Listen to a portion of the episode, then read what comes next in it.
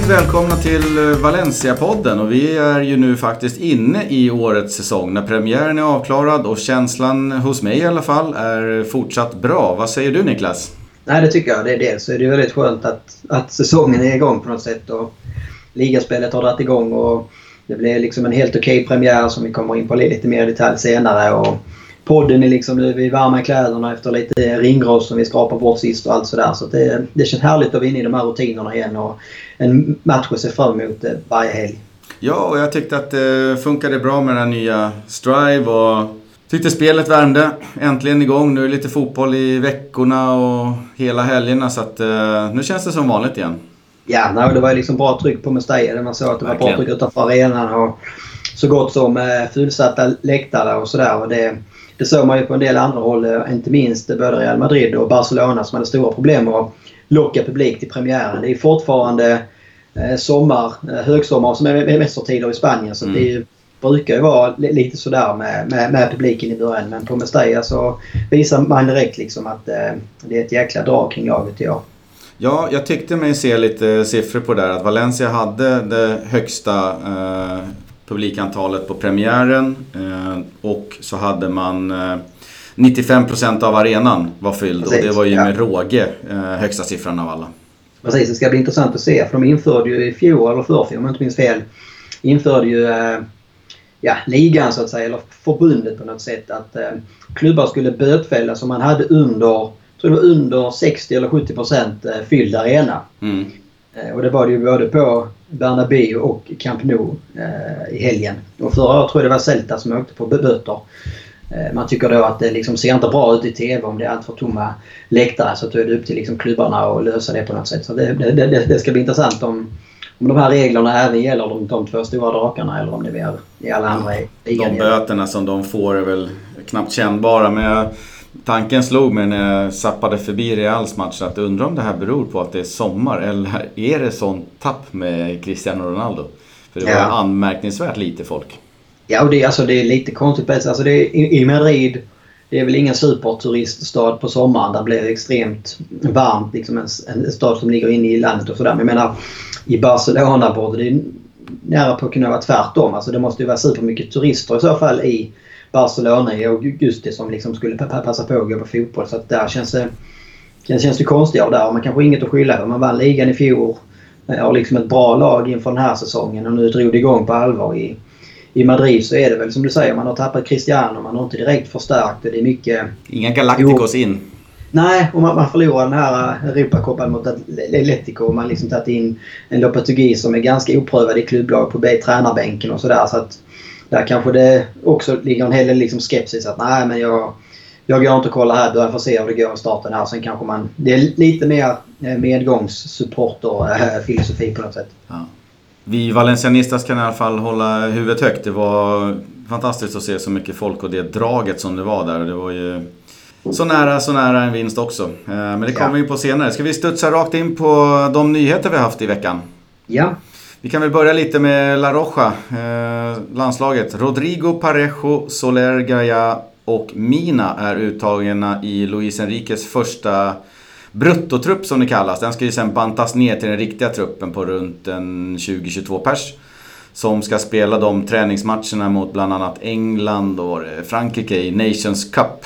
Eh, 8 och 11 september. Men det känns väl som en eh, riktig helgardering från Luis Enriques sida. Ja, det skulle vara väldigt förvånande om Santimina och eh, Gaia Soler egentligen alla tre, om, om, om de tre kommer med i, i, i en senare trupp så att säga. Det, det, det skulle förvåna mig. Eh, Rodrigo är i stort sett given. Parejo har ju varit liksom och knackat på dörren där eh, länge nu och nu är det väl flera som har liksom tackat för sig. Både David Silva och Iniesta till exempel som har li, lite grann eh, samma positioner kanske som Parejo slåss om på ett mittfält. Så visst, eh, visst finns det möjlighet för honom. Men jag tror ju jag tror framförallt inte Santimina har, har en spansk landslagstrupp att göra. Det, det kan jag inte tycka. Nej, verkligen inte. Jag, jag tror på en, men äh, jag tror på två. Parejo och Rodrigo kommer med. Och angående Rodrigo där så har ju Real Madrid och Valencia nu slutgiltigen, eller till sist kommit överens då enligt media, att det inte blir någon Rodrigo-affär. Eh, Real Madrid ska ha meddelat då Alemani, eller Lopetegui och company har meddelat Alemani att de inte avser att höja sitt bud från 60 och, och Alemani har sagt att det är 120 som gäller. Så då kom de överens om att det blir ingenting just nu, så får vi se. Det är ju 7-8 dagar kvar på fönstret och så dyker väl vinsterfönster och sådär. Eh, frågan är hur, hur det ser ut i i Real Madrid fram till vintern. Men det, det, den dörren stängdes nu i alla fall enligt media och det känns ju bra. Ja, fast jag, jag vet inte heller hur mycket man... Alltså, jag, jag tyckte hela den nyheten kändes konstig. Jag har aldrig hört talas om att någon klubb ringer till den andra och meddelar bara så ni vet så kommer vi inte köpa honom. Alltså, det känns som en väldigt konstig nyhet att komma ut på något sätt. Så att jag, jag vill inte riktigt liksom Eh, ta blod på att Nej. det stängde dörren. Utan det känns som att det, det kan leva... Jag, känslan har väl varit och jag vill fortfarande liksom att Rodrigo är nog inte allra högst upp på liksom deras... Eh, dels så tror jag att han har för lite stjärnglans kanske och man vill ha in ett namn. Eh, men eh, jag skulle inte förvåna mig heller om liksom man inte får det man tänkt sig först här. Det närmar sig deadline day och man känner liksom den här stressen. Vi måste köpa in ett komplement till Eh, Benzema. Och då liksom, ja, nej, då är kanske Rodrigo till sist att man, man slänger upp 100 miljoner för honom. Men det är väl, det är väl som jag sa sist så tycker jag dels så tycker jag inte man liksom förtjänar honom för man ser inte riktigt hans storhet på något sätt och man tycker att, att han är värd 40-50 miljoner som man har pratat om från början och man har väl liksom kanske då sträckt sig till 60 kanske man skulle kunna tänka sig. Eh, samtidigt så kan jag ju förstå de Real Madrid-fans som liksom tycker att ja, vi sålde Ronaldo och vi fick 100 för honom.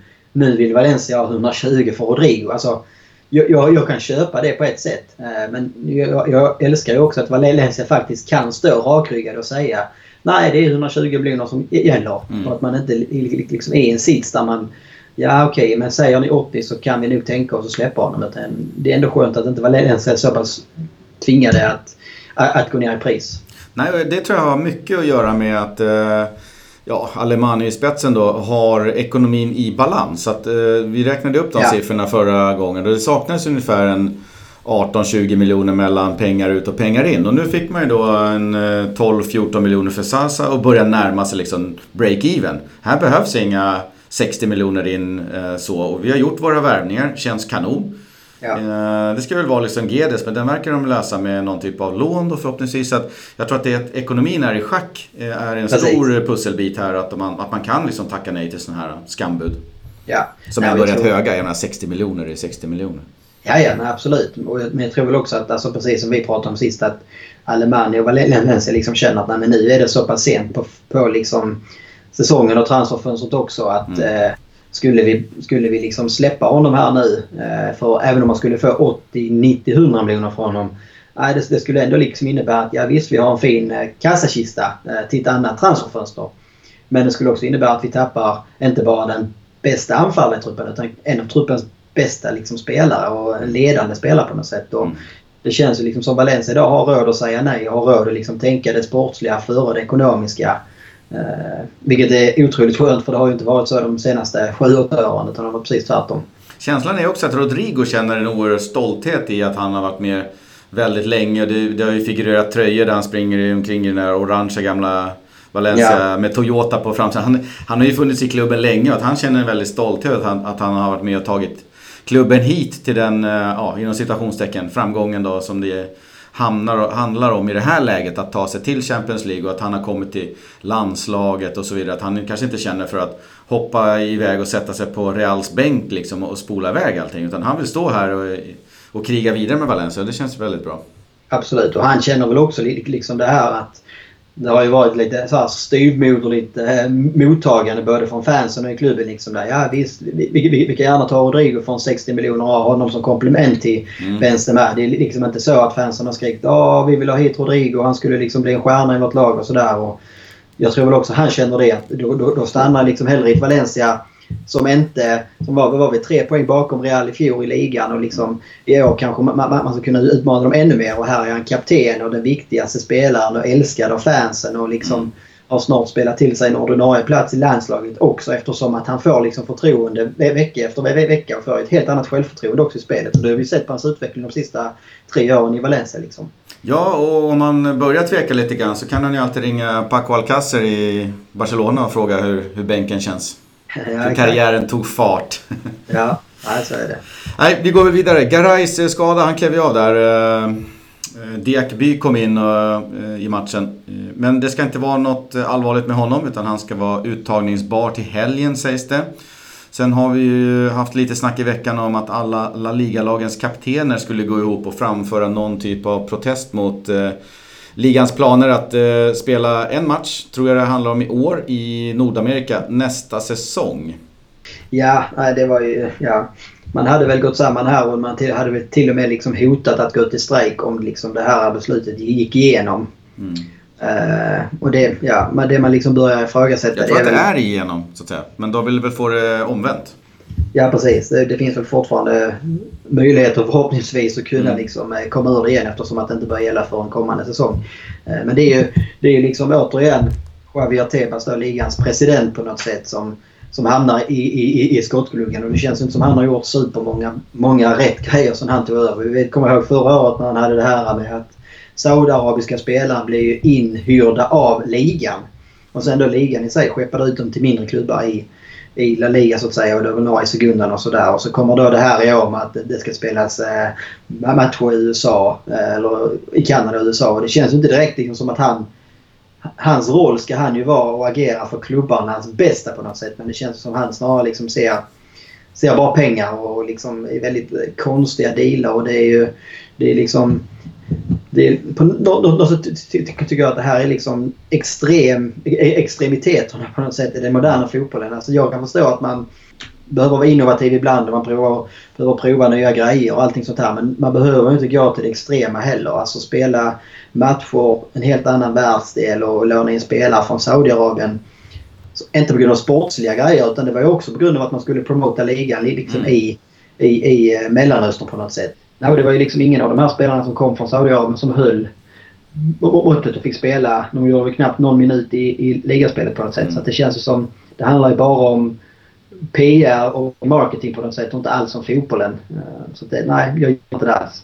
Och det är skönt liksom att äh, lagen går ihop och tydligt liksom äh, säger att nej det här, det här köper vi, vi, vi liksom inte i fjol. Så var, var det väl mer tysta på tester med det här med Saudiarabien. Men nu har det varit liksom tydliga eh, ställningstagande och det gillar jag.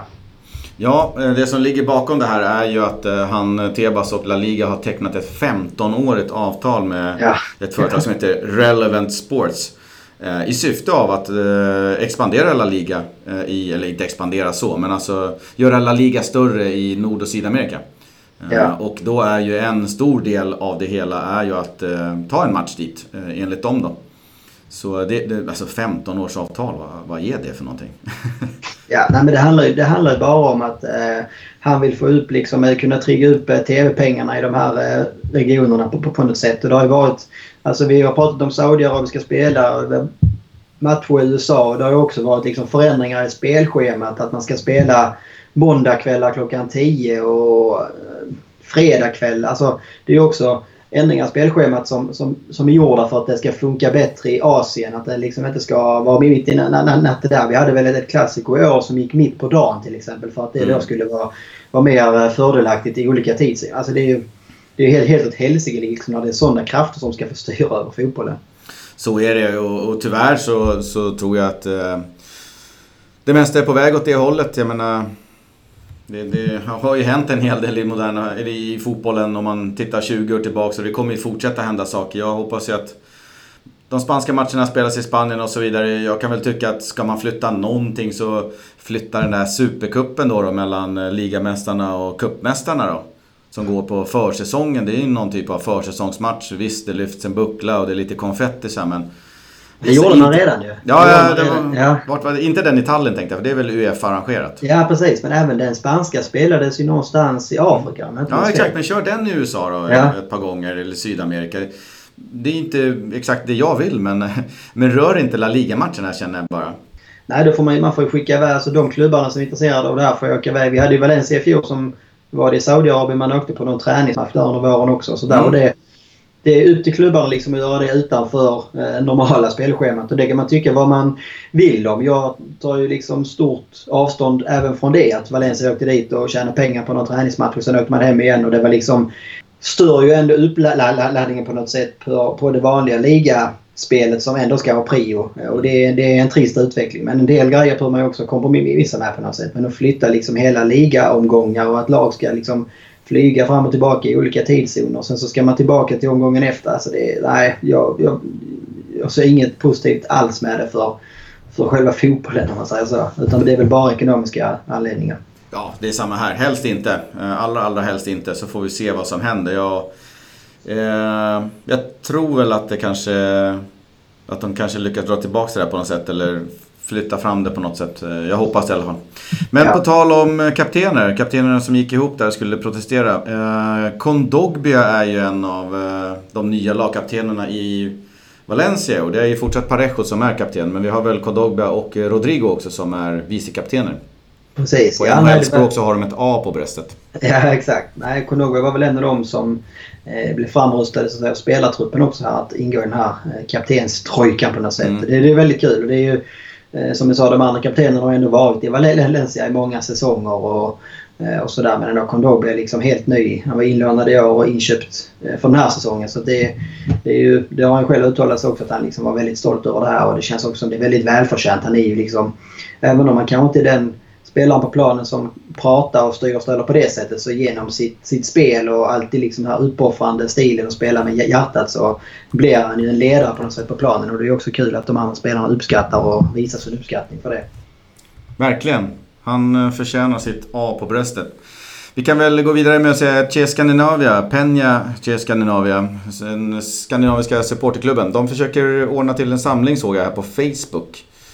Eh, I Malmö, Skåneområdet. Eh, Valencia Levante söndag den 2 september. Eh, gå gärna in på deras Facebook-sida och anmäl intresse eller kolla hur det ser ut där. Det fanns också något snack om någonting i Köpenhamn alternativt Oslo då, någon match där. Så att, vill ni se lite matcher ihop med andra likasinnade så kika in på deras hemsida. Får väl se vem det är som bjuder hem här i början. För det var väl det som var nackdelen med Strive. Eh, ja, just det. det inte gick att teckna liksom för eh, pubbar eller eh, ställen. Så att det, det krävs väl att det är någon, någon behändig själ som bjuder hem. Men det är alltid kul att liksom samlas ett gäng och se. Framförallt liksom när det är en rolig match som ett derby mot Levante eller sådär kan det vara kul. Och... Men var det hemma hos dig nu söndag den andra eller? Ja, det är inte omöjligt. du får dela ut lite flyers där i Ja, precis. Södra Skåne. Ja. Ja, sen har vi väl åtta dagar kvar, eh, sju dagar kanske det till och med om jag räknar rätt här, eh, av transferfönstret. Och utöver Guedes som vi hoppas på så har det varit lite, lite snack kring ytterligare en högerback då. Kan tänkas att det i så fall kommer in en billig ung spelare med potential signerad Pablo Longoria. Om det inte kommer in någon så har vi nog egentligen bara Veso som är mittback som har täckt upp förra året för Montoya. Eller möjligtvis Daniel Vasto som är en eh, schweizerkniv utav rang. Eh, likadant som eh, Coquelin då. Ja. Men ingen ren högerback bakom Piccini. Nej, det, väl, alltså det känns ju nästan som om Marcelino, alltså om man inte får in den här så kommer han nog sadla om Veso till en renodlad högerback för att det är så trångt på mitt... Alltså det var ju trångt för Veso där redan i fjol och nu har då Diakby kommit in eh, och går före i kön så att eh, han kommer inte spela mycket mittback i år känns det som. Så att det kanske är bättre för honom att gå in liksom helhjärtat för att vara högerback och då, då, då är man liksom kanske två rena högerbackar och då kommer man ändå få lite mer speltid i, i koppan när det ska roteras om det kommer skador avstängningar och sådär. Ja, jag, jag tyckte varken Montoya eller Veso övertygade på högerbacken. Nej. Däremot så lite simplare kopparmatcher och, och, kanske liksom, alltså det brast ju inte med Veso. Det gjorde det inte. Nej, han nej, imponerade nej. inte men han, han skötte det okej. Okay. Uh, så ja. vi får väl hoppas att han kan vara en bra rota, rotationsspelare där då. Sen hade vi ju faktiskt, eh, vad jag förstår, eh, en värvning, eller näst intill klart i alla fall. Det brukar aldrig bli några stora rubriker. Men eh, Valencia har värvat en fransk forward, en 18-årig kille som heter Lenny Pintor till Mestalla-laget. Han har hittills huserat i franska andra ligan. Han var med i U17-VM i Indien i vintras och gjorde mål mot Spanien i 16-delsfinalen tror jag. Eh, och det kanske var där Alemani fick upp ögonen för honom för han var ju faktiskt där och synade den turneringen. Ja, ja det känns väl också annars som kanske en, eh, en, en Longoria-värvning så att säga. Mm. Han eh, har väl liksom uttalat haft bra koll på de här unga talangerna och det är väl ett spännande sätt liksom. Och, och det är ju så här som många storklubbar gör att man varvar dem när de är i de här 17-18 årsåldern och liksom får in dem till klubben och sen så får de något år då i, liksom i akademilaget som då är BB-laget så att säga. Och så ser man om de klarar av det där och så kan de ta steget upp eh, i A-laget. Så att det, det känns som eh, Valencia bör tänka lite långsiktigt också här med sina värvningar på något sätt. Ja, och jag menar en sån här spelare, jag menar om man inte platsar hela vägen upp till Valencias eh, A-lag så kan det ju bli mycket väl en, eh, en utlåning eller en försäljning kanske likt eh, Maximovic. Jag menar vad gjorde han? Fem matcher i Valencia-tröjan och man kränger iväg han för 5-6 miljoner euro. Ja. Så, att, så att, nu hoppas vi på att Lenny Pintor gör det bra i Valencia Mestalla. Han är ju lika gammal som Hugo Guillamon och Ferran Torres som var med i det spanska laget där i U17. Så det är den, den åldern på Nej, och det är ju så här som Valencia ska jobba tycker jag. Liksom, att, eh, att man liksom ska, ska hitta, eh, nu ska man ju inte här räknas som en egen talang om man säger så, men i A-laget så ska det, det ska ju komma upp en del spelare hela tiden från Mestalla så att man mm. inte varje år behöver varva spelare utifrån för 50, 60, 70, 80 miljoner utan att det kan liksom kanske komma upp en två, tre spelare varje år från Mestalla-laget och liksom fylla på truppen och, och förhoppningsvis då kommer det upp två, tre om året så är det kanske en i alla fall vartannat år som blommar ut till en riktig, riktig stjärnspelare om man säger så. Mm. Så jag, jag, tycker det är helt rätt eh, strategi på något sätt att man bör med tidigare och sen göra dem till färdiga spelare i klubben snarare än att bara köpa färdiga spelare. Och det var ju en del av eh, den planen som Alemani presenterade i vintras också där han gick ut och sa att eh, man måste se över de avtalen som man har och man måste förstå sin plats i, i näringskedjan och, och en del av det var att han att man måste hålla kvar sina talanger som man har för att liksom vaska fram några som kommer till A-laget och man måste värva lite tidigare för Valencia är inte där i närkedjan där man kan plocka in eh, spelare för en 30, 40, 50 miljoner euro då. Utan eh, Nej. köp in en 7-8 sådana här killar eh, på olika positioner så kanske två kommer till A-laget, då är det värt det.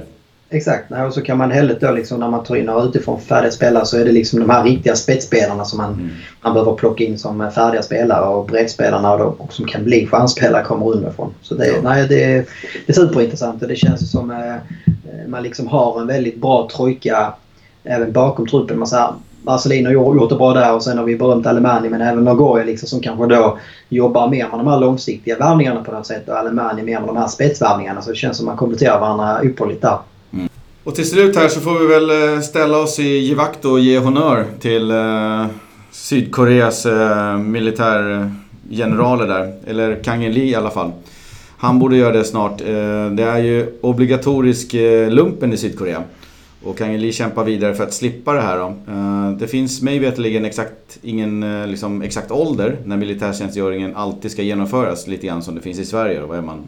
18, 19, 20 år. Ja, precis. Ja. Utan man ska genomföra det här mellan man är 18 och 26 eller någonting liknande. Eh, och den är obligatorisk på två år. Och det finns egentligen bara två sätt att slippa den här. Det ena är att man vinner guld i Asian Games. Och då ja. blir det då i fotbollslaget som man måste vara med. Eh, och det andra är att man tar en OS-medalj på något sätt. Tottenhams eh, Son Jung-Min, betydligt mer känd än Kang Lee Han kämpar exakt med samma bekymmer. Han får inget frikort från försvarsdepartementet eller vad det nu kan vara. Utan han, eh, han försöker förhala det på något sätt och har väl ögonen inställda på eh, ett eh, guld i Asian Games här som går att stapla snart. Precis, Nej, man, man, man förstår ju liksom om man inte ens eh, Song Min liksom får, får det här eh, frikortet som ändå liksom är kanske den största sydkoreanska fotbollsspelaren någonsin i landet. Eller en av dem i alla fall. Så förstår man att det liksom, man kommer nog inte ge det till Kang heller bara för att han är en stortalang. Utan det, man har de här reglerna man har. Vi får kanske bara vara glada att det, är Sydkorea och inte Nordkorea för då hade man kanske inte ens haft det här spannet utan det hade bara varit nej men nu är du 18 bast nu är det dags att komma hem och göra lumpen och då skiter vi liksom om du är fotbollstalang i Valencia. Ja, så är det. Uh, slipper man då undan om man tar en medalj eller vinner Asian Games så tror jag att man gör en fyra veckors grej och sen så två dagar per år eller någonting. Och det går ju att tajma in på en off-season. Ja, precis. Men vi stänger nyhetslådan där och tar en liten eh, jingel. Valencia Atletico Madrid slutade 1-1. Ett mål var. Vi hade eh, Korea först, eh, helt ren. Rakade in den och sen hade vi ett riktigt vackert mål av Rodrigo. Han fick en assist från Daniel Vass. Kollar vi på Expected goals så var det väl eh, helt jämnt skägg. 1-1 slutade eh, expected goals och 1-1 blev det. Vi hade väl ett litet, litet bollinnehav för Valencia, 52-48. Atletico hade mycket fler hörnor. Valencia hade fler skott, både på mål och, och utanför mål. Eh, så att det är helt eh, missvisande var väl kanske inte 1-1. Men det var en match med två ansikten tyckte jag. Atletico hade ju första halvleken och inte ja. minst första 25. Jag menar, visade upp en otrolig skicklighet och Valencia hade andra där man hade, tycker jag, lite fler eh, chanser och ja, som sagt 1-1 tyckte jag spelade matchbilden hyfsat. Eh, vad tycker du? Nej, jag håller med. Alltså det känns ju... Eh, Valencia i första halvlek, eh, man, man gick på något sätt kanske in i Simeones fälla på något sätt. Och det känns som att Atletico låste Valencia väldigt bra. Och man, man, man, man tvingade spela trångt och man tvingade ut Valencia på högerkanten hela tiden känns som. I andra halvlek så försökte Valencia spela snabbare. Man försökte göra lite spelvändningar för att liksom öppna upp eh, Atletico. Och det, då gick det bättre i spelet också. Det var precis som man man vågar mer i andra halvlek. Det var lite eh, krampartat i, i Valencia i för, för första halvlek och man, man blev betydligt modigare i andra och liksom, det kändes som att eh, nej, fan, nu, nu trampar vi och släpper handbromsen och, och vågar framåt. Och, inte liksom, I första halvlek kanske man var mer rädd att man skulle bli straffade bakåt på något sätt. Och det blir det också att du håller igen några procent framåt. Så att, eh, jag håller med dig, man har två ansikten. Och, ja, på ett sätt så kan man väl säga att 1-1 var rättvist. Sen så blir det ju ändå, eftersom Valencia skapar liksom två i alla fall två superlägen i, slutet så är det mm. det man kommer ihåg. Liksom, att efter 1-1 så var det Valencia som var närmast segern. Sen så håller jag med om alltså att, att Atletico hade ju sina lägen där i första halvlek kanske framförallt där man har... Man gör målet snyggt eh, och sen så har man väl något, något inspel och sådär som är eh, nära att bli en chans men eh, ja, nej. Det var väl som vi pratade om innan här att man går liksom ifrån det här med varken att man liksom jublar i soffan att ja, fan vad nice det blev en poäng i premiären mot Atletico. Men heller inte att man sitter liksom att nej fan det blev bara 1-1 i premiären. Utan det var skönt att inte förlora premiären. Skönt att det spelmässigt såg så pass bra ut som det gjorde och framförallt utbrytningen i andra halvlek på något sätt. Jag tyckte det kändes som att Valencia har tagit steg ifrån förra säsongen där man liksom på riktigt nu utmanar även eh, de liksom lagen som slåss om ligatiteln på något sätt. Man gör inte det genom att parkera en buss och kriga bara utan man gör det liksom genom ett eget spel och man, man vågar på något sätt. Eh, och det jag tyckte var egentligen allra mest intressant och kul här det var ju eh, sista kvart, 20 minuterna så kändes det på något sätt som att Atletico var mer nöjda med ett kryss och chansade mer på lite kontringar och så här. Och man, man, man, tog ut liksom sin storstjärna Grishman och kände som att man mer liksom säkrade den poängen man hade. Medan Marcelino gick ju all in för att vinna. Han slängde in mm.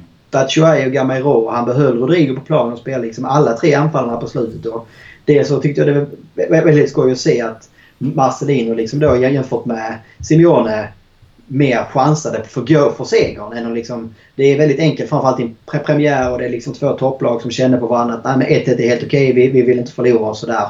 Eh, och där tyckte jag man upplevde att Marcelino i fjol var lite fegare. Det var ibland man kunde känna även mot sämre lag liksom att han på slutet inte riktigt vågade trycka på gaspedalen och få tre poäng utan Eh, nej, men man kunde ibland vara nöjd med, med, med ett oavgjort men så kanske man ändå gjorde segermålet på något sätt. Och, eh, så det, det, det, var kul att se Batshuayi och Gamero på planen och man fick en annan dynamik i anfallsspelet. Även om det syntes på dem båda. De var ju lite ringrostiga. Det var liksom inte, inte helt äh, gnisselfritt. Nej, jag tycker Gamero eh, är svår svårbedömd sådär. Fick väldigt kort om tid. Jag, jag kände mig jättenöjd med Batshuayus delaktighet i spelet. Han det kändes som att han positionerade sig rätt hela tiden för att vara delaktig, att kunna bidra och få bollen ja. och hamna i lägen och kunna lägga passningen. Sen tar han något beslutsfel. Alltså, Rodrigos topplock flög en gång när inte han fick bollen. Ja. Jag kan tycka att han, så öppen var han inte. Det är en ganska klurig passning att hitta Rodrigo. Ja. Sen vet jag inte om man kan liksom hänga forward eh, för att han tar ett avslut i ett okej läge. Eh, nu vart det inte världens bästa avslut och sådär men Sen eh, Gamiros avslut på slutet, jag tycker det är alldeles för tamt. Måste ja, inte söka ja. det bortre hörnet hela tiden. Både Vass och Gamiro tycker jag kan raka den på första stolpen när det finns både en, två och tre meters jag tror Vass hade större lucka vid första stolpen, men han vände ändå liksom instinktivt andra stolpen. Men nej, Batshuayi tyckte jag lovade mycket. Han såg väldigt företagsam ut. Och, eh, I övrigt då, Parejo och Kondogba tyckte såg stabil ut centralt. Jag noterade Rodrigo som eh, bäst på plan i min bok. Eh, han visar att han är lagets viktigaste och bästa spelare. Otroligt ja, ja, jämn och hög nivå, arbetsinsatsen och jag menar Visst, avslutet är ju grant när han, jag älskar ju sådana här mål, man stänker in den allt vad man pallar. Men jag tänker nästan att bröstningen är ju juvelen i det här. Precis, skulle precis säga det. Alltså, han gör ju det så iskallt. Alltså, man ser ju mittbacken försöka gå på nick och det är så enkelt att som anfallare då försöka gå upp i den nickduellen och försöka nicka den på mål. Och det är ganska långt ut och jag tror mm. aldrig han liksom fått en tillräckligt bra nick för att kunna styra den i mål där. Men han gör det så enkelt. Hoppar upp, dämpar den på bröstet och liksom stressar inte iväg åt utan låter den komma ner i perfekt och sen liksom bara drar upp den i taket. Och, ja, inte bara du... dämpar på bröstet utan han, han, han, tar emot den på bröstet och vinklar ner den så att, så att äh, den går precis. framåt. Så att ja. det, den normala anfallare har kanske någon annan sort. kanske bara tar ner på bröstet och då har du en spelare precis framför. Men Rodrigo får ju en, en och en halv meters lucka i och med att han bröstar den framåt så att säga i den knivig situationen. Precis, jag håller med. Det enda som man liksom lite grann eh, kanske saknade om man nu ska kolla något på de negativa grejerna. Det var väl, jag tyckte det märks på kantspelet att varken Soler eller, alltså när man då har både en Soler och en Vass som är ganska lika kantspelare som egentligen kanske inte är de klassiska yttrarna. Nej. Så fick man inte riktigt det här liksom kantspelet som man kunde få med Guedes eller med Ferran ibland. Där det, man utmanar en mot en och kommer ner och får in ett inlägg eller ett inspel på något sätt. Eh, det är, det är väl det, det lilla e- e- extra som liksom saknades. Så det är väl det som också jag tror Marcelino liksom har i sitt huvud att nu behöver man bara få in det där lilla gräddet på mosen och pricken över i på något sätt. Och jag tror att det, det är även i, i Marcelinos recept eh, stavas Gonzalo Guedes och kan man finna honom så ser det ju alltså väldigt, väldigt intressant ut. Och med många, många alternativ som vi pratat om innan också. Det är det som är, är så roligt i år. Liksom, att ja, men har, har någon anfallare liksom en dålig dag eller någon mittfältare en sämre dag, ja men då finns det liksom superbra alternativ att slänga in och då, då ska det inte göra så stor skillnad att en eh, Santimin eller Rodrigo kanske drar sin bästa dag. För att det, det känns som det är fyra anfallare som kan, kan och ska kunna gå in och leverera varje match. Det som är skillnaden på eh, alltså en, en eh, riktig, ja, jag, jag hatar det ordet, men en, en eh, ytter som är skolad som en ytter, det är att han sätter ju fart på kanten, full, full, full, full fart. Och så kan man vända inåt mot planen, men man söker väldigt ofta också att gå runt ytterbacken i, i, och, och komma till inlägget. Där känner jag inte att Soler är och där känner jag inte att Vass söker det. Utan Soler släpper det där till eh, Piccini då. Att ja. han viker av inåt, så räknar med att Piccini kommer på utsidan och, och släpper liksom hela sista tredjedelskanten till Piccini. Så att, och Vass tycker jag kör lite likadant på, på sin kant. Att man, han naturligt faller in mitten. Och då tappar ja. du lite det där hotet eh, runt ytterbacken. Ja, för det är det. Man, man vill ju ha liksom en till exempel en Guede som kommer mm. ut och utmanar ytterbacken och samtidigt kommer Gaia på kanten. Och ytterbacken liksom tvingas, vad fan. Ska jag ta, gå in i duellen med Guedes eller ska jag markera Gaia? Och att båda liksom blir ett hot. Jag håller med. Och här, här blir det mer att Soler trampar in och ställer sig på något sätt. Och vill att Piccini ska komma utanför men det blir lite för... Alltså det blir inte så spetsigt på något sätt. Det, det var inte så många... Det är målet som då... Det blir ju otroligt bra men samtidigt så ska man väl ändå vara ärlig och säga att det är en liten chans passning inlägg av värst på något sätt. Mm. Han drar den på en touch på volley liksom och sen så går den perfekt över till Rodrigo. Det är klart att han, han, han liksom ser Rodrigo men det är ju inte så att det är ett kirurgprecisionsinlägg som sitter på pannan eller foten. Alltså, I fjol så såg vi ändå flera mål. Framförallt Sasser var ju väldigt bra på det och Santimina också. Alltså de här flacka, hårda inspelen och så mm. var det liksom bara en touch in i boxen. Så det var ju många mål som gick till så. Var, man kom inte till så många sådana chanser kändes det som. Nej, och sen tycker jag lite om man kollar på försvarsbiten där. Vi hade ju Garay och Gabriel centralt då, eh, initialt innan Diakby kom in. Jag tyckte båda de hade väldigt svårt att hänga med, både Costa och eh, Griezmann. Fick slita, slita hårt för att hålla dem i schack. Eh, och sen hade du då Piccini på högerkanten som jag tycker var lite tveksam bakåt. Han var inte heller helt klockren framåt. Man ser ju att han, hans engagemang och hans talanger ligger i, i, tekniken framåt känner jag. Och han behöver skolas in i att bli den här högerbacken. Han, han springer ju uppåt för att uh, hänga med i offside-linjen och det är han som upphäver offsiden på Korea. Lite trist för honom men inte helt solida defensiva insatser tycker jag.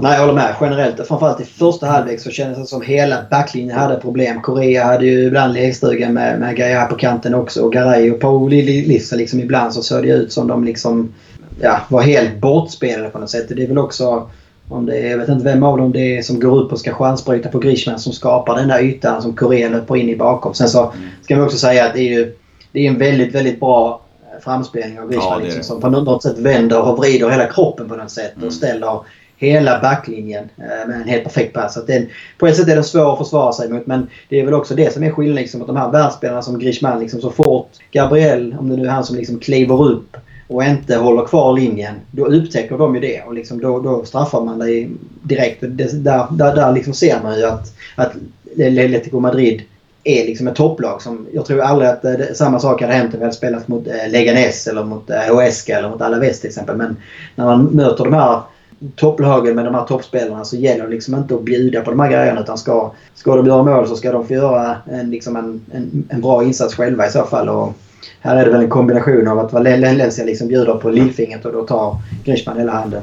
Ja, det är ju lite det som är signifikativt. Eh, det kan man ju nästan säga. Valencias mål är också, jag menar, ja, en chansboll som egentligen inte är någon superchans. Jag menar, Rodrigo är markerad där. Så att, och han tar chansen. Det, det, det är det de skickliga spelarna gör. Och ja. Ska vi kika lite på Vass där? Så jag tycker att han gör en eh, bättre insats än sin andra ny, nya kollega Pezzini där. Jag får en känsla av att uh, han blir oerhört nyttig. Fast kanske som en schweizerkniv. Uh, ja. det är som du var inne på tidigare, att ofta de här som kan spela överallt, de är inte riktigt så här jättespetsiga på någonting. Men uh, Vass känns som att han, han är ganska duktig på det mesta.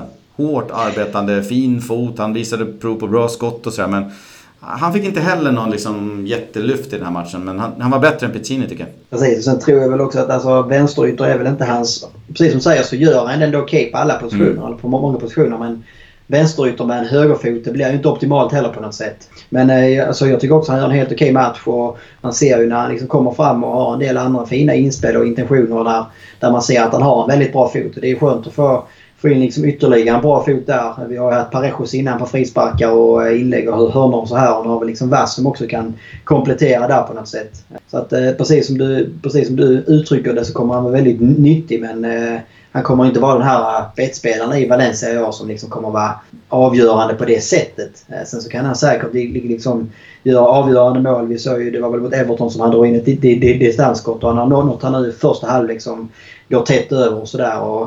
Det är bra att ha det hotet också på mittfältet där. Att det är någon som vågar ta de här distansskotten. För då tvingar man ju backlinjen att göra ett val. Alltså, ibland så blir det att de sjunker och sjunker och sjunker för att de liksom är rädda för att de, de ska få de här insticken på något sätt. Men har man då en spelare som kan kliva fram och dra distansskotten så ställer man en fråga till backlinjen på något sätt. Att ja, men kom här och gå på med honom så drar iväg ett skott. Och får man då liksom locka upp en mittback på något sätt så kan man kanske sticka in den till en anfallare och så blir det liksom en målchans där. Så ett intressant nyförvärv som eh, kommer att göra nytta i Valencia. Alltså, det, det kan vi nog vara säkra på. Ja, absolut. Jag tänkte lite grann om man kollar på förra säsongen i det här skedet. Eh, eller säg två, tre matcher in då när man hade lärt känna alla spelarna som, som var nya.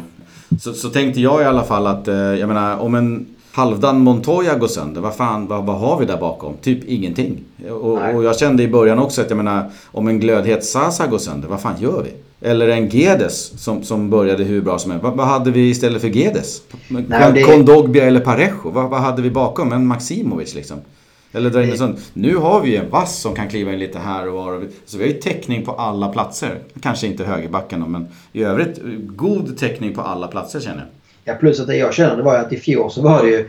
Vi visste inte riktigt alltså, vad vi skulle få ut av en Guedes. Vi visste inte riktigt vad vi skulle få ut av en Kondobi. Vi hade en Sasa på topp som hade gjort det bra på våras men hade floppat i OS. Vi hade en Rodrigo som aldrig riktigt lyckats i Valencia. Vi hade Gabriel och Garay där bak som... Nej, de kom inte få några succéer liksom. I år så känns det som alltså... Vi vet vad vi har i stommen. Alltså, 95% av det här laget är kvar som liksom gjorde det bra i fjol. Och där vet vi exakt vad vi får. Vi är inte lika beroende av nyförvärven som kommer in i år ska bli de succéerna som, som de som kom in i fjol på något sätt. Och det känns ju betydligt stabilare. Mm. Alltså i fjol så kändes det som man hade extremt bra utdelning på alla nyförvärven i stort sett. Alltså vi hade en Neto som kom in och var en väldigt stabil målvakt. Vi hade en Kondogbia som liksom återföddes på något sätt. Vi hade då liksom en, en Sasa som var helt eh, glimrande under hösten, gjorde mål på allt. Och en Gonzalo Guedes som flög som, som den nya Ronaldo och allting man sa. Så att, eh, men i fjol höstas var, vi, var det liksom också en kombination av att många av de här som ingen kanske hade räknat med toppar formen ungefär samtidigt. Men vi är inte alls lika eh, beroende av att någon ska överträffa sig själv i år. Utan vi har, vi har kvar stommen på något sätt och så länge de håller samma nivå som jag gjorde i fjol så kommer det vara bra nog. Och sen så kan nyförvärven gärna komma in och krydda det här ännu lite extra på något vis. Mm. Ja, det var lite det jag tänkte så här förra året, fyra, tre, fyra, fem omgångar in när, när alla de här spelarna som nämnde hade börjat leverera. Då kände man att fan vad bra de är. Men vad har vi bakom? Vi hade ju ja. absolut ingenting kändes som. Nej, nej. så jag menar, nej det var ju tunn trupp i fjol. Ja, det. väldigt tunn. Så nu känns det som att jag menar, en vass eh, fyller ju upp liksom helt okej okay, den kanten som Guedes huserar på. Vi kan slänga in en Ferran Torres där och Soler har backning. Och, nästan varje position har vi bra backning på. Så det känns tryggt. Ja, man håller med. Diak, Diakby där. Eh, jag kollade lite, jag skrev en artikel om han när han kom. Eh, kollade upp lite grann och det enda som var lite så här orostecken oropstecken eller det som skrevs om honom att, att det, fanns, det fanns lite misstag igen. Och det fanns lite YouTube-filmer man kunde kolla på när han gör någonting slarvigt då. Eh, det, det jag hittade, det jag såg på eh, Mestalla när jag kollade på Leverkusen och det jag såg uh, han spela nu, det var att det, det finns en oerhört uh, skön, bolltrygg, uh, fysiskt uh, stark spelare. Men då fan finns det ett misstag i en varje match. Han, det var någon gång han spelade bort bollen rejält och kom undan med andan i halsgropen. Ja, det var ju framförallt alltså direkt. Han slängde sig direkt in i hetluften och fick ja. ett par dueller där direkt. Och precis, alltså det kändes lite typiskt här liksom. En nyförvärv blir inkastad i match, vill liksom visa upp sig. Så att han ville nog lite för mycket också. Alltså, det var ju någon passning han försökte slå igenom den flera lagdelar som liksom istället höll på att bli kontring. Och mm. Det kanske är bättre att komma in och börja enkelt och jobba sig in i det. Men han var lite för överambitiös. Eh, men det är väl sådana grejer som, som man säkert liksom kan slipa bort och som kanske efterhand eh, sätter sig på något sätt. Annars så, han är ju liksom stark fysiskt, han är bra i luften och allting det här. Så att, eh, och det var ju som vi pratade om förra gången och det tog liksom bara 60 minuter så var Garay sönder. Alltså vi, vi, pratade om det att både Garay och Gabriel har ju liksom en skadehistorik som inte är sådär supertrygg om man säger så. Och för, kanske framförallt Garay som hela tiden har de här småskadorna på något vis. Mm. Det, är, det är sträckningar där och det är känningar där och det är magmuskler och lårmuskler och knä. Alltså, han spelar ju aldrig mer än 60-70% eller är tillgänglig 60-70% av en, eh, en, en säsong. Och nu när det då dessutom är Champions League-spel och kopparspel också så känns det väldigt tryggt att liksom ha, ha breddat mittbackspositionen med, med en så pass bra spelare som Diakby. Och då har vi ändå en Morio som verkar liksom nu var i frysboxen i stort sett men som många matcher i fjol tyckte jag att han gjorde det riktigt bra också. Ja, verkligen. Eh, det var ju de tre mittbackarna som vi hade. Det var ju Diakby, och Garay och Gabriel och då är ju en Ruben Veso och en Jason Murillo utanför truppen. Mig veterligen är ingen av dem skadad så att eh, Diakby har gjort det bra i början. Kliver in liksom eh, som, som tredje mittback direkt vad det verkar. Ja, nej, men det verkar vara så att eh, Vesso är liksom... Det är väl bara mer en vikarie om det skulle vara helt kris på mittbacken och annars är det framförallt högerbacksplatsen som han kommer fightas om och så är det de här fyra som, som slåss om mittbacksplatserna och där det just nu ser ut som att Morio är fyra i kön och kommer väl liksom inte vara med i truppen de gångerna som de andra tre är tillgängliga. Nej, så är det. Ska vi runda av där med att egentligen fråga om det här är ligans bästa och mest intressanta taktiska match? Den mellan Simeone och Marcelino. Ja, det tycker jag. Mm. Det är alltså, problemet blir ju ibland att, att man ofta tar ut varandra på något sätt. Eh, det känns ju som de, de, de, de två tränarna i ligan tycker jag som absolut pressar ur mest av sitt material på något sätt. Alltså varken eh, Simeone eller liksom Valencia Marcelino kan egentligen mäta sig ekonomiskt med, med Real eller Barca även om nu Atletico liksom är betydligt närmare än vad Valencia är så, så är det ändå de här tränarna som ja, men kramar ur mer än 100% och får sina spelare att överprestera och på det sättet kan man med utmana i toppen av ligan. Och jag såg en intressant statistik att de senaste 5-6 åren Marcelino och Simeone möts har det blivit liksom 0-0, 1-0 eller 1-1. Så att det är mm. liksom målsnöt och tajt alltid och det, det var det även nu. Även om jag tyckte skillnaden i år var väl att eh, denna matchen var väldigt rolig att se. Jag tyckte mm. mötena i fjol blev betydligt mer stängda och där man mer liksom bara gick in för att döda varandra istället för att själva våga spela sättet. Jag tyckte det här var en, var en väldigt bra premiär. Ja, det var kul att se och vi har ju varit inne på det förut att eh, för Real och Barcelona med det materialet som de har så för att vara med och slåss om ett eh, La Liga-guld så räcker det om de får ett plus ett att bli två.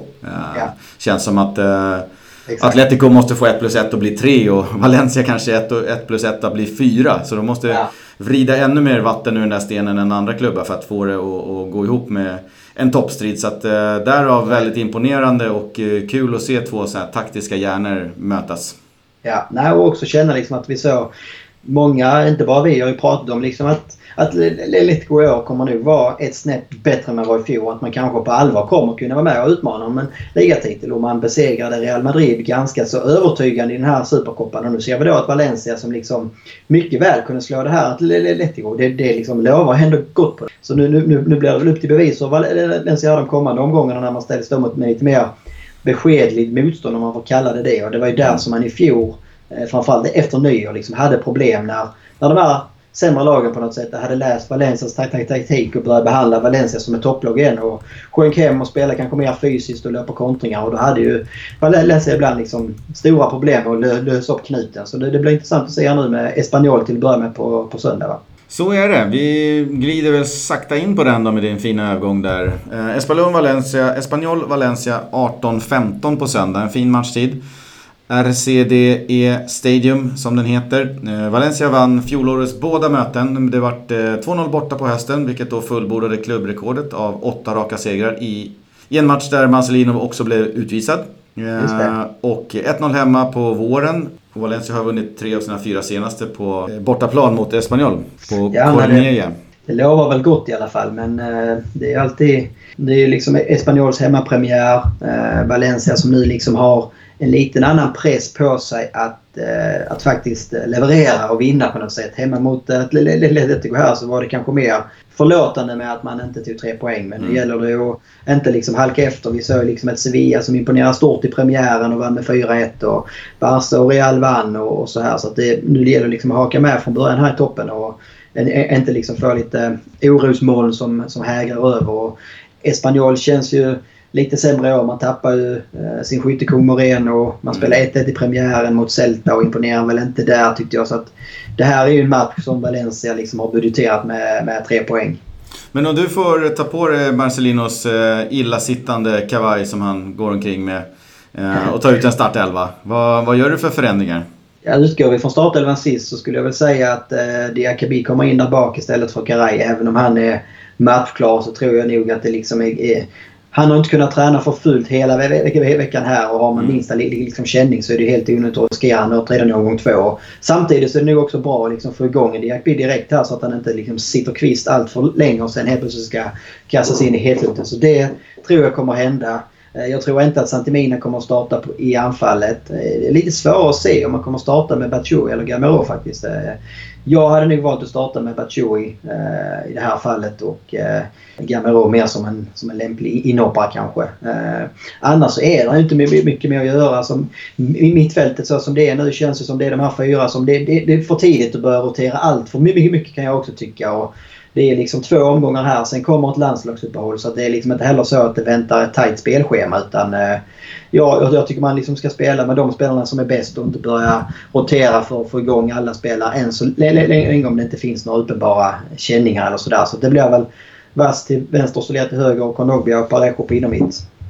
Det tror jag. Jag tror på samma. Jag är lite osäker kring Diakby om han får chansen eller om de kör med Jason Morillo eller någon annan där. Eh, men det skulle inte vara helt fel tror jag om de tar in en Diakby. Sen så... Är, ja, vi får se på topp. Jag hade bytt ut eh, Santemina. Eh, jag gillar honom men han såg väldigt, väldigt iskall ut. Kan vara så att hans... Eh, Eh, förmåga kommer bättre fram i en match eh, mot Espanyol än vad den gjorde i en, en tight match mot Atleti. Men eh, det jag såg av eh, Batman yeah.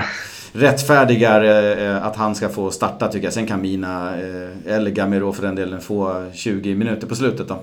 Men yeah. det skulle jag göra också. Nej men det känns väl också som att alltså, Santemina kanske passade bättre mot ett Atletico där det också handlar liksom om att ligga rätt i försvarsspelet och få in liksom en hårt arbetande anfallare på något sätt. Nu möter vi ett Espanyol där vi kanske kommer att vara mer förande spel, spelförande laget och då, då kanske man också vill ha en, en anfallare som är bättre i det spelet på något sätt. Alltså Santeminas styrka ligger ju inte vara den här taget-anfallaren som är med i spelet utan hans styrka ligger ju att han arbetar hårt. Han är riktigt vass inne i boxen på avsluten och han är en bra kontringsspelare. Och det känns inte som det är kanske den matchbilden som vi, vi, vi kommer att få se på söndag och då tror jag att både Gamero och Batman eh, passar bättre i den spelplanen som jag tror att eh, Marcelin har inför söndag.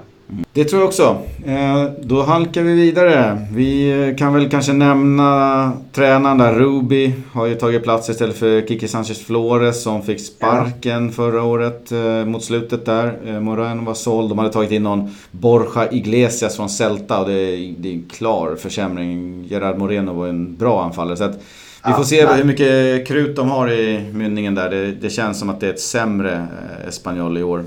Ja, jag tror att de kan få... få i alla fall tror jag de kan få det riktigt tufft faktiskt. Mm. Det känns, de känns på pappret riktigt svaga och man har en tränare som är ganska så oprövad. Ja, nästan helt. Ja. Så att, eh, ja, alltså får man en dålig start här och det börjar gå emot så kan de nu liksom bli inblandade i värsta bottenstriden här i Spanien i år tror jag. I fjol levde man ju på Moreno. Han gjorde väl vad gjorde han? 16-17 mål i alla fall om jag inte minns fel. Eh, I ett liksom då Espanyol som inte var med i, i, i, i toppen överhuvudtaget. Och de målen ska ersättas på något sätt och det känns inte som... Man har väl kvar en, eh, vad heter han, Luis Garcia, den gamla räven och sådär. Men det känns liksom inte som man har fått in en eller två spelare som kan ersätta de målen som Moreno gjorde. Så att, eh, men eh, samtidigt så är det, det är liksom lurigt här i början. Det är alltid innan tabellen och, och, lagen och allting eh, sätter sig på något sätt så brukar det kunna vara en hel del skrällar. Så det gäller för Valencia att inte åka dit och tro att det, det, det är tre enkla poäng. Eh, men samtidigt så visar historiken att man brukar ha det enkelt mot Espanyol. Eh, mm. Så vi får hoppas att det håller i sig också. Sen kan jag inte fatta riktigt dealen. De har spelat sex, eh, bortamatcher, eller sex träningsmatcher, samtliga på bortaplan. Både ja. i USA och Tyskland och i Spanien. Eh, och så hade de den bortapremiären mot Celta så att hemmapubliken har inte fått sett Espanyol än. Överhuvudtaget kanske ett tecken på att man inte har ett så bra lag som man Nej. inte vill liksom visa ut det för. Man de har ju vunnit alla de här sex träningsmatcherna men det var mot väldigt tveksamt. Det var Cincinnati och eh, Gymnastic Tarragona och lite sånt där. Ja, ja det är väl kanske klassiskt. Ny tränare och en ganska så stor spelaromsättning så vill man liksom få chansen att bygga upp laget och då kanske det är bra att spela mot ett sämre lag för att spela ihop laget. Men eh, det är också en risk med det när man väl liksom helt plötsligt ställs mot betydligt starkare motstånd så kan det bli en väldig, väldig chock innan man har, man har kommit in i det tempot. Ja, eller vad sägs om Ålott och Richmond Kickers? Ja, det är ju inga motstånd som skrämmer direkt. Nej, verkligen inte. Uh, Ålott, jag vet inte var de spelar, Segunda D eller någonting. Nej. ja, bästa fall. Ja, um, men det ser vi fram emot. Det ska bli jättekul. Uh, kvart över sex på söndag bänkar vi oss i tv-soffor och annat. Uh, och vi kan väl kika på scorecasten från uh, förra helgen. Det var lite kul. Vi fick med oss en hel drös med människor som kom med sina tips. Så är det Linus, ja. Johannes, Jens, Daniel, Lasse, Victoria bland annat. och bäst av alla var ju Lasse då. Ja, han verkar vara till och med, turkille. Han verkar vara riktigt turkille. Han vann väl en halsduk i någon tävling i fjol också. Ja, just det. Vi, vi har, han, han eh, tippade 1-1 och Rodrigo som målskytt och efter lite diskussioner här innan podden eh, och förslag från dig Niklas så har vi faktiskt bestämt oss för att göra om reglerna. Berätta. Efter den här omgången kan vi väl ja, säga. Ja, efter den här omgången. Berätta. Nej, men vi, har ju, vi har ju tidigare kört att man tippar slutresultat och man tippar första målskytt i matchen så att säga. Mm. Eh, det, det, är väl den vi kommer ändra då att vi tippar istället första Valencia målskytt. Eh, så blir det lite roligare också eftersom att eh, samtliga som är med här är ju ändå Valencia-nista så att säga och det är väl det som är lite roligare att tippa på än att, än att försöka gissa vem i motståndarlaget som eventuellt gör mål. Så att efter den här omgången så är det slutresultat och första Valencia målskytt som gäller. Eh, men vi kunde ju inte ändra det här eftersom vi hade ju Jens Hylander som hade Diego Costa som eh, första målskytt. Nu blev det ju inte han men han hade ju eh, tippat på ett bortalagsmålskytt och jag hade ju Rodrigo så det kanske skulle vara lite väl konstigt om vi liksom ändrar reglerna i efterhand och så får ja. jag extra poäng för det om man säger så. Nej men vi kör på det och tippar man på 0-0 till exempel så kan man ju kanske inte få full pott då, då eller? Jo egentligen, alltså blir det 0-0 då så har du ju ingen målskytt och det är Nej. ju rätt. Ja, då får du tre då. Okej. Okay. Ja. Om man tippar 0 Valencia-mål och 0-3 till exempel, att de förlorar med 0-3. Eh, då får man rätt. Rätt resultat och rätt tipstecken och ja, rätt målskytt på ingen. Ja. ja, så blir det klart. Ja, men, men så vi har så... väl, eh, det var väl två poäng på Lasse då. Rätt tecken och rätt resultat. Eh, mm. Och övriga står på noll. Så att han tar ju en uh, klar ledning direkt här. Eller är det ja. så vi räknar? Jajamän, det var ingen som hade Korea. Nej. Annars hade både du och, och, Lasse hade stått på två och du på en och vi andra på noll. I och med att du hade Rodrigo då, om det hade varit nästa omgång. Ja. Men då så, vi dundrar väl vidare. Espanyol ja. Valencia, vad, ska jag tippa först? Ja, det tycker jag. Jag börjar.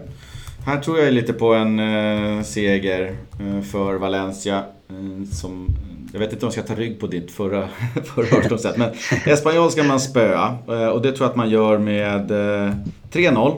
Och där börjar Batman. Jag chansar på att han börjar och jag chansar på att han gör första målet.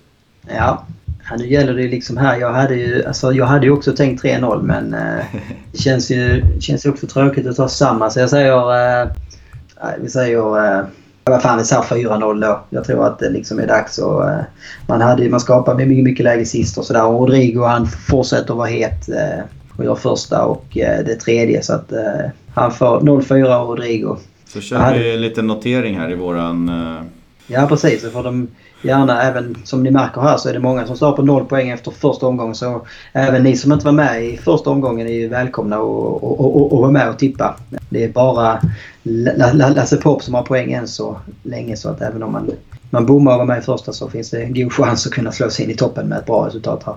Ja, och ni, ni, ni, som var med i första får såklart fortsätta här nu så att ni inte tappar er plats i tabellen. Nej, och sen så tror jag, om inte jag missade någonting så kom Victoria inte in med någon eh, första målskytt.